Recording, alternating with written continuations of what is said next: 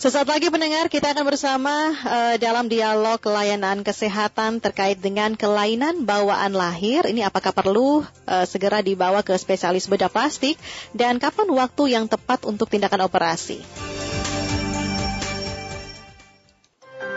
Dialog Layanan Kesehatan kerjasama Pro 3 RRI dengan Fakultas Kedokteran Universitas Indonesia.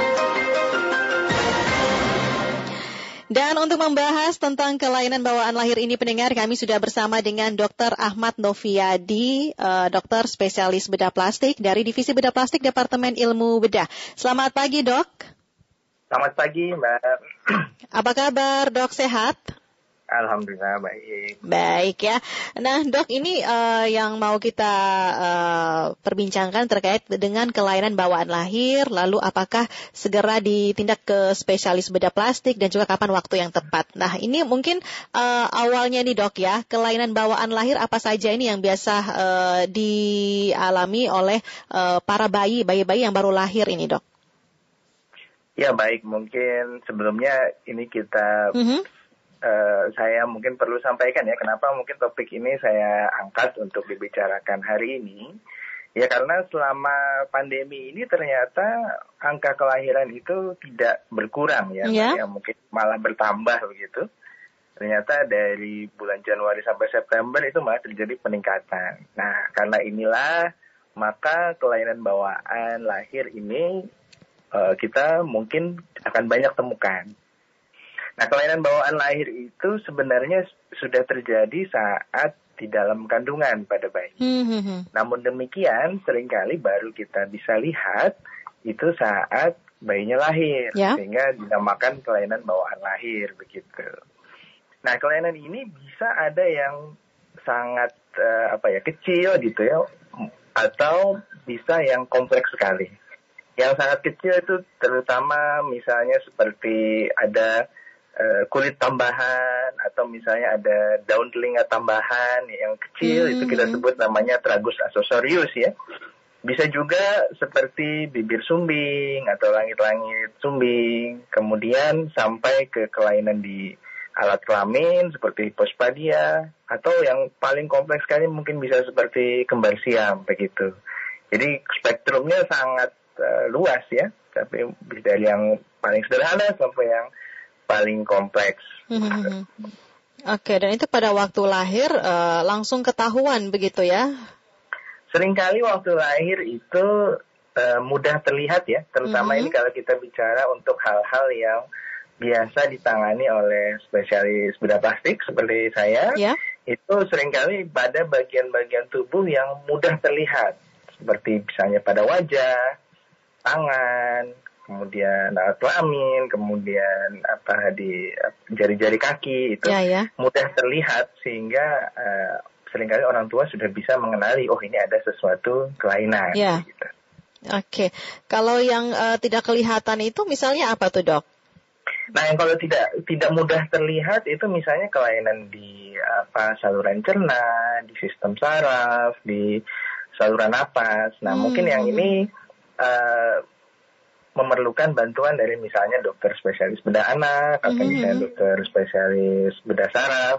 Tapi tidak menutup kemungkinan juga mungkin nanti perlu bekerja sama dengan uh, dokter spesialis bedah plastik. Nah, ini kan kalau yang uh, mudah terlihat seperti itu kan uh, jadinya mudah ketahuan gitu ya orang tua juga uh, bisa langsung mengetahui ada perbedaan atau ada kelainan begitu ya. Nah ini kalau misalnya yang uh, tidak kelihatan seperti uh, yang dokter sampaikan tadi, ini biasanya uh, orang tua itu mulai menyadarinya uh, kapan itu dok? Uh, misalnya selang beberapa bulan kemudian atau bisa langsung diketahui se uh, secepat ya, mungkin juga itu. Kalau, hmm kalau yang tidak mudah terlihat ini uh, saya sampaikan tadi membutuhkan dari tim dokter mungkin dari bedah anak dan uh, yang lainnya dari dokter anak dan sebagainya. Ini biasanya terjadi atau diketahui oleh orang tua itu kalau sudah ada gangguan ya, misalnya hmm. gangguan uh, pak uh, bayinya tidak bisa minum gitu atau misalnya tidak bisa buang air besar atau perutnya tiba-tiba kembung dan seperti itu. Nah hmm. ini uh, apa baru terlihat biasanya beberapa hari kemudian sampai beberapa minggu paling lama ya. Oh, jadi hitungan hari sampai minggu ya, tidak sampai. Iya. Hmm. Hmm. Jadi tidak tidak langsung terlihat biasanya. Oke, uh, lalu ini dok, kalau untuk kasus kelainan bawaan lahir ini ya, uh, dari yang pernah dokter tangani begitu, yang paling banyak ini uh, kelainan bawaan lahir apa nih yang tadi mudah terlihat atau yang uh, tidak kelihatan seperti itu dok? Ya, yang ditangani oleh dokter bedah plastik umumnya adalah yang mudah terlihat ya, karena hmm. memang dari bedah plastik ini mempunyai uh, kemampuan untuk uh, memperbaiki sesuatu gitu ya. sehingga hmm. terlihat lebih baik begitu yeah. ya. Jadi orang tua biasanya mendatangi apabila oh mengalami kekhawatiran bahwa nanti bagaimana ya penampakan anak saya setelah mm-hmm. uh, ini misalnya kelainan diperbaiki begitu sehingga mendatangi udah pasti. Nomor satu mungkin yang paling sering adalah bibir sumbing dan langit-langit sumbing ya. Mm-hmm. Itu yang paling sering kita tangani di, di bedah plastik karena insidennya cukup banyak menurut literatur kurang lebih satu dari lima ribu kelahiran begitu. Oke, itu biasanya penyebabnya apa sih dok? Kalau uh, bibir sumbing uh, dan langit-langit sumbing itu menjadi bawaan dari lahir itu dok? Ya, jadi uh, ini kita sampai saat ini belum mengetahui penyebab pastinya apa ya. Mm-hmm. Namun demikian ada beberapa yang dipikirkan, misalnya ada yang uh, familial ya, apa uh, atau kita sebut mungkin kalau orang awam bahasanya keturunan ya. Jadi yeah. ada yang misalnya bapaknya atau ibunya mengalami kelainan bibir sumbing juga, anaknya mempunyai kemungkinan lebih besar untuk mm-hmm. uh, terjadi bibir sumbing juga. Faktor genetika banyak, gitu ya? Ya, namun banyak lebih banyak lagi yang uh, apa tidak ada. Jadi uh, memang secara sporadis gitu munculnya, tiba-tiba aja ada yang muncul begitu. Mm-hmm. Jadi juga banyak. Sehingga faktor penyebabnya belum bisa kita pastikan yang uh, menyebabkan itu apa yang pasti.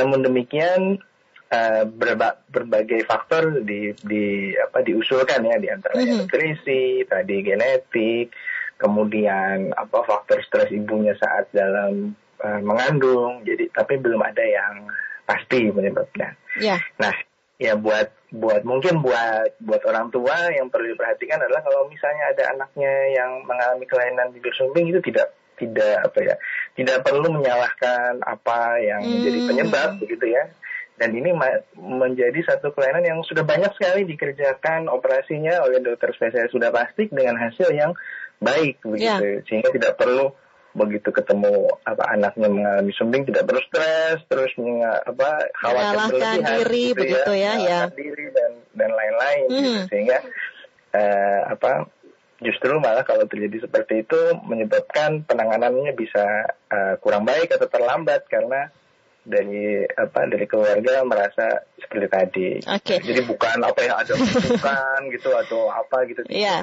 Nah dok, ini kan sesuai dengan topik kita nih. Uh, jadi memang uh, kalau ada kelainan bawaan lahir seperti itu memang perlu begitu ya dibawa ke spesialis bedah plastik. Nah waktu yang tepat ini uh, kapan ini dok orang tua bisa membawakan uh, anaknya begitu? Apakah dalam kondisi uh, usia bayi seperti itu sudah bisa atau gimana nih dok? Jadi begini, kalau Eh, kelainan-kelainan bawaan seperti tadi yang saya sebutkan itu mempunyai waktu-waktu tertentu untuk dilakukan tindakan. Mm-hmm. Nah, kemudian ada hal-hal yang perlu diketahui dari sebelum tindakan itu sampai dengan tindakannya dilakukan. Kita ambil contoh saja bibir sumbing misalnya ya. Bibir, bibir sumbing itu kita lakukan tindakan pada usia kurang lebih pertama kali untuk penutupan bibir itu sekitar usia 2 sampai 3 bulan. Mm-hmm, ya. Kemudian uh, untuk operasi langit-langit usia antara 9 bulan sampai 1 tahun atau paling tidak sebelum usia 2 tahun.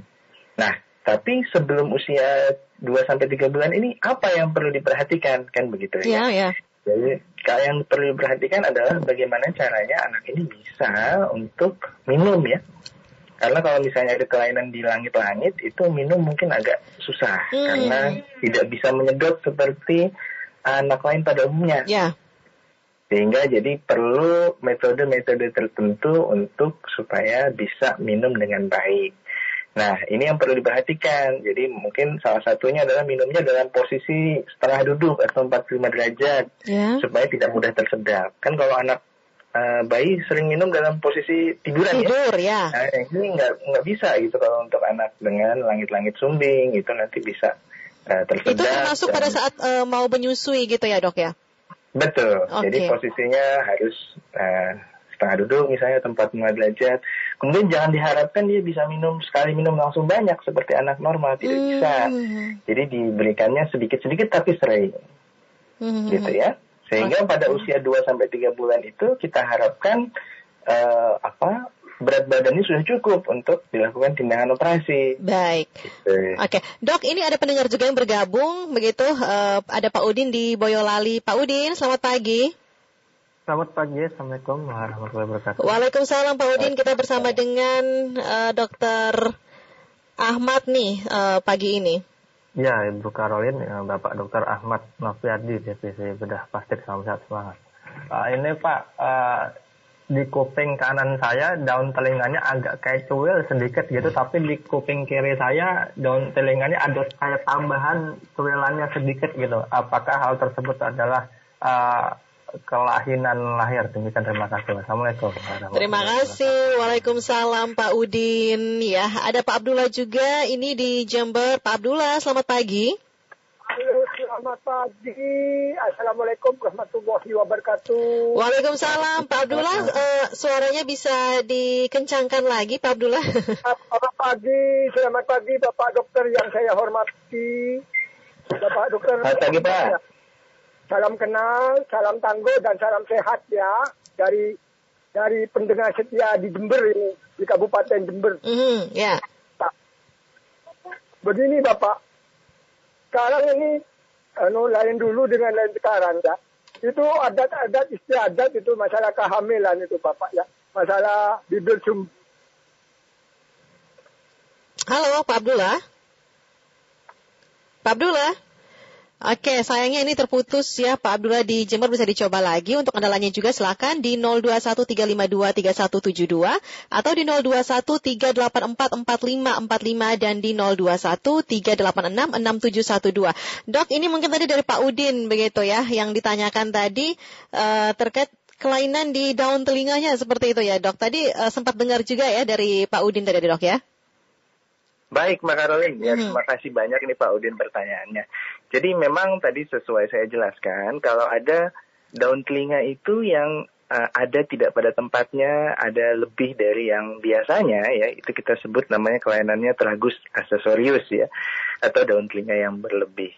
Nah ini memang tadi sesuai saya sebutkan, memang kelainan yang didapatkan uh, saat kandungan sampai dengan lahir gitu ya. Hmm. Nah untuk uh, kelainan ini biasanya tidak menyebabkan sesuatu yang uh, istilahnya menghambat fungsi dari telinga tersebut. Yeah. Namun demikian memang sebagian orang beranggapan ini agak mengganggu ya kalau misalnya ada tambahan seperti itu. Apabila ingin diperbaiki ini bisa sekali untuk ke dokter spesialis bedah plastik begitu. Mm. Ya, mungkin begitu jawaban saya, uh, Mbak Helen. Ya. Iya. Kalau yang misalnya seperti yang dialami Pak Udin itu, kelainan di daun telinga itu tidak perlu ada uh, perawatan khusus atau persiapan khusus begitu sebelumnya ya? Oh, kalau tentu kalau saat ini saya rasa Pak Udin sudah dalam kondisi dewasa ya. Mm -hmm, Jadi ya. untuk tindakan saya pikir bisa dilakukan kapan saja. Begitu. Oh, begitu berbeda soal kalau misalnya bayi baru lahir ya kalau misalnya bayi baru lahir pada umumnya kita tunggu agak besar ya mungkin eh, sekitar usia tiga bulan sampai lima bulan begitu supaya uh, untuk uh, apa persiapan untuk operasi kalau anak mm -hmm. kecil kan tidak bisa dibius lokal ya jadi yeah. bius umum biasanya anaknya lebih besar lebih aman begitu mm. ya tapi kalau misalnya pada orang dewasa mungkin kalau kecil bisa dilakukan dengan bius lokal saja, tidak perlu bius umum kan. Kalau orang dewasa bisa cukup kooperatif untuk bius lokal sehingga tidak perlu persiapan khusus. Oke, nah dok tadi kembali lagi ke uh, bayi begitu ya akan dioperasi untuk bibir sumbing dan juga langit-langit sumbing ini misalnya. Nah uh, kalau tadi katanya uh, berat badan juga ini harus uh, dipenuhi, memenuhi uh, syarat begitu ya. Selain berat badan, ada syarat lain apa nih dok uh, sebelum uh, bayi ini bisa dibedah begitu? Ya baik, jadi kalau untuk uh, operasi pada bibir sumbing kita kenal ada uh, istilah yang kita apa ya, tahu namanya rule of ten ya, peraturan 10 ya. Jadi usia usianya kurang lebih 10 minggu. Mm-hmm. Kemudian berat badannya kurang lebih 10 pound ya 10 pound itu kalau di dimasukkan satuan Indonesia kurang lebih sekitar 5 kilogram ya. Oke. Okay. Jadi kemudian uh, satu lagi adalah 10 ribu leukositnya. Jadi apa kalau kita periksa laboratorium uh, leukositnya itu kurang dari 10 ribu. Artinya tidak ada infeksi yang baik itu lokal maupun infeksi yang umum terjadi mm -hmm. pada bayi ini. Nah aturan ini dikenal uh, untuk mencapai operasi yang aman ya. Jadi supaya komplikasinya tidak terlalu banyak dan penyembuhan lukanya baik. Jadi ini adalah aturan dasar ya, tapi tentu nanti pada saat perencanaan operasi akan dilakukan evaluasi yang lebih menyeluruh. Misalnya nih ada pasien ya. saya uh, mau operasi, kemudian tiba-tiba dia COVID-nya positif. Nah ini menjadi kesulitan buat kita operasi. Gitu ya. ya. Kemudian ada lagi yang diperiksa ternyata setelah diperiksa oleh dokter anak ada kelainan pada sekat jantung. Hmm. Nah, hal-hal seperti ini tentu membuat kita harus mempertimbangkan ulang apakah ini operasi perlu dilakukan segera atau bisa ditunda. Nah, tentu hmm. keputusannya tidak bisa eh, apa namanya secara umum ya, yeah. keputusannya harus dibuat kasus per kasus. Tapi itulah kira-kira ilustrasi bahwa ternyata tidak semudah itu bahwa ada hal-hal yang memang harus kita evaluasi lebih lanjut. Begitu uh, Uh, cukup banyak gitu dok kasus seperti itu tuh yang misalnya uh, ada uh, jantung juga ada penyakit lainnya begitu sehingga uh, tertunda nih untuk uh, operasinya ini dok. Sebetulnya tidak terlalu banyak ya, tapi mm -hmm. uh, tentu ya itu tadi kita kalau untuk tindakan operasi kita utamakan adalah keamanan ya. Keamanan itu lebih penting daripada hasil yang baik gitu. Mm. Dari karena kalaupun hasilnya bagus tapi ternyata terjadi sesuatu yang tidak aman pada anak itu apa ya tidak tidak tercapai hasil yang baik buat buat keluarga okay. pasien dan buat dokternya.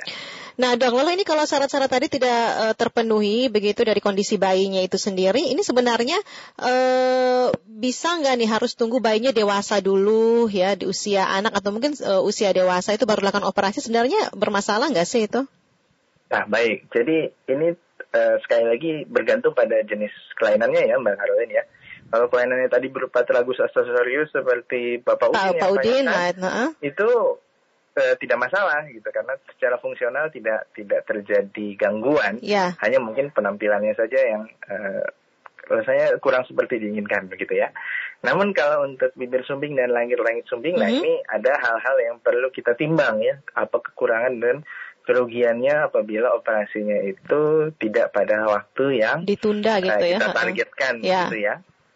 Misalnya saja seperti pada langit-langit sumbing ya. Misalnya kalau dioperasi dia melebihi usia 2 tahun, ini adalah saat pembentukan speech atau pola bicara pada anak ya. Hmm. Sehingga kalau operasinya itu tertunda sampai usia dewasa, biasanya uh, suaranya itu sengau ya kalau pada yeah. Ya. uh, langit-langit sumbing. Nah ini suara sengaunya ini sudah sulit untuk dikembalikan, dikembalikan ya? Hmm. mendekati normal ya, karena pola bicaranya tadi di otak itu sudah terbentuk dengan posisi yang tidak normal. Oke. Okay. Gitu.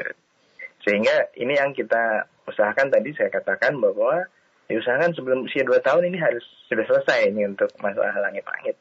Namun demikian tentu saja kalau misalnya masih ada kelainan yang mengakibatkan dia sulit untuk dioperasi, yaitu tadi saya katakan bahwa uh, nomor satu pada operasi itu yang penting aman. Ya, Walau, ya.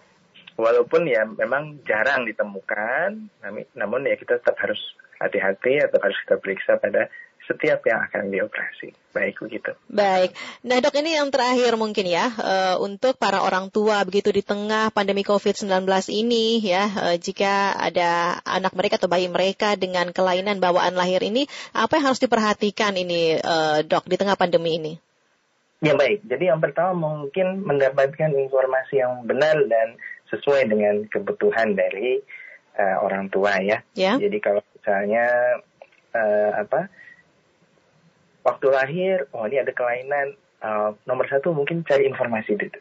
Mm-hmm. Dan informasinya mungkin bisa ya kalau uh, apa dilakukan konsultasi online bisa juga gitu ya dengan rumah sakit rumah sakit yang sudah tentunya terpercaya, yeah. mungkin bisa untuk mencari berapa stick terdekat dengan konsultasi bagaimana ini selanjutnya untuk pasiennya dilakukan tindakan. Yang kedua adalah tadi saya katakan bahwa ada timingnya, ada waktunya yang uh, tertentu untuk bisa melakukan operasi. Sehingga kalau tadi kelainan-kelainan yang sudah saya bicarakan yang mudah terlihat itu pada umumnya tidak perlu terburu-buru operasinya, tapi hmm. dengan persiapan. Sehingga tadi perlu informasi untuk bagaimana persiapan ini operasinya biar uh, dapat dilakukan dengan timing yang tepat dan mencapai hasil yang baik. Yeah. Sehingga nggak perlu buru-buru, oh ini harus cepat begini, harus cepat hmm. begitu, tidak perlu. Oke. Okay. Nah. Jadi semua ada prosesnya begitu ya, dan percayakan kepada dokter yang menangani begitu ya dok ya? Betul, dan yang paling penting tadi pertama harus mencari informasi yang benar. Baik, oke okay, dokter uh, terima kasih ya dok ya untuk informasinya bersama dengan program 3 untuk seluruh pendengar kita dokter Ahmad uh, terkait dengan kelainan bawaan lahir ya tindakannya dan juga kapan ini waktu yang tepat untuk uh, dilakukan pembedahan seperti itu. Terima kasih ya dok ya mudah-mudahan bermanfaat ini untuk seluruh pendengar kita di mana saja berada ya dok. Sama-sama Mbak Karoli, semoga kita semua sehat selalu, pendengar Amin. dan memperluas wawasannya dengan program kita hari ini. Terima Baik, kasih. Terima kasih, selamat pagi, selamat bertugas kembali dok. Dr. Ahmad Noviadi S, uh, dokter spesialis bedah plastik dari Divisi Bedah Plastik Departemen Ilmu Bedah Pendengar terkait dengan kelainan bawaan lahir ya uh, perlukah ke spesialis bedah dan ini tadi sudah dijelaskan juga ya memang e, sangat diperlukan sesuai dengan waktu dan juga ini ada syarat-syaratnya ada ketentuan ya seperti itu pendengar. Mudah-mudahan informasi yang kami hadirkan tadi bermanfaat untuk Anda pendengar dan nantikan juga informasi lainnya di Indonesia menyapa pagi program 3.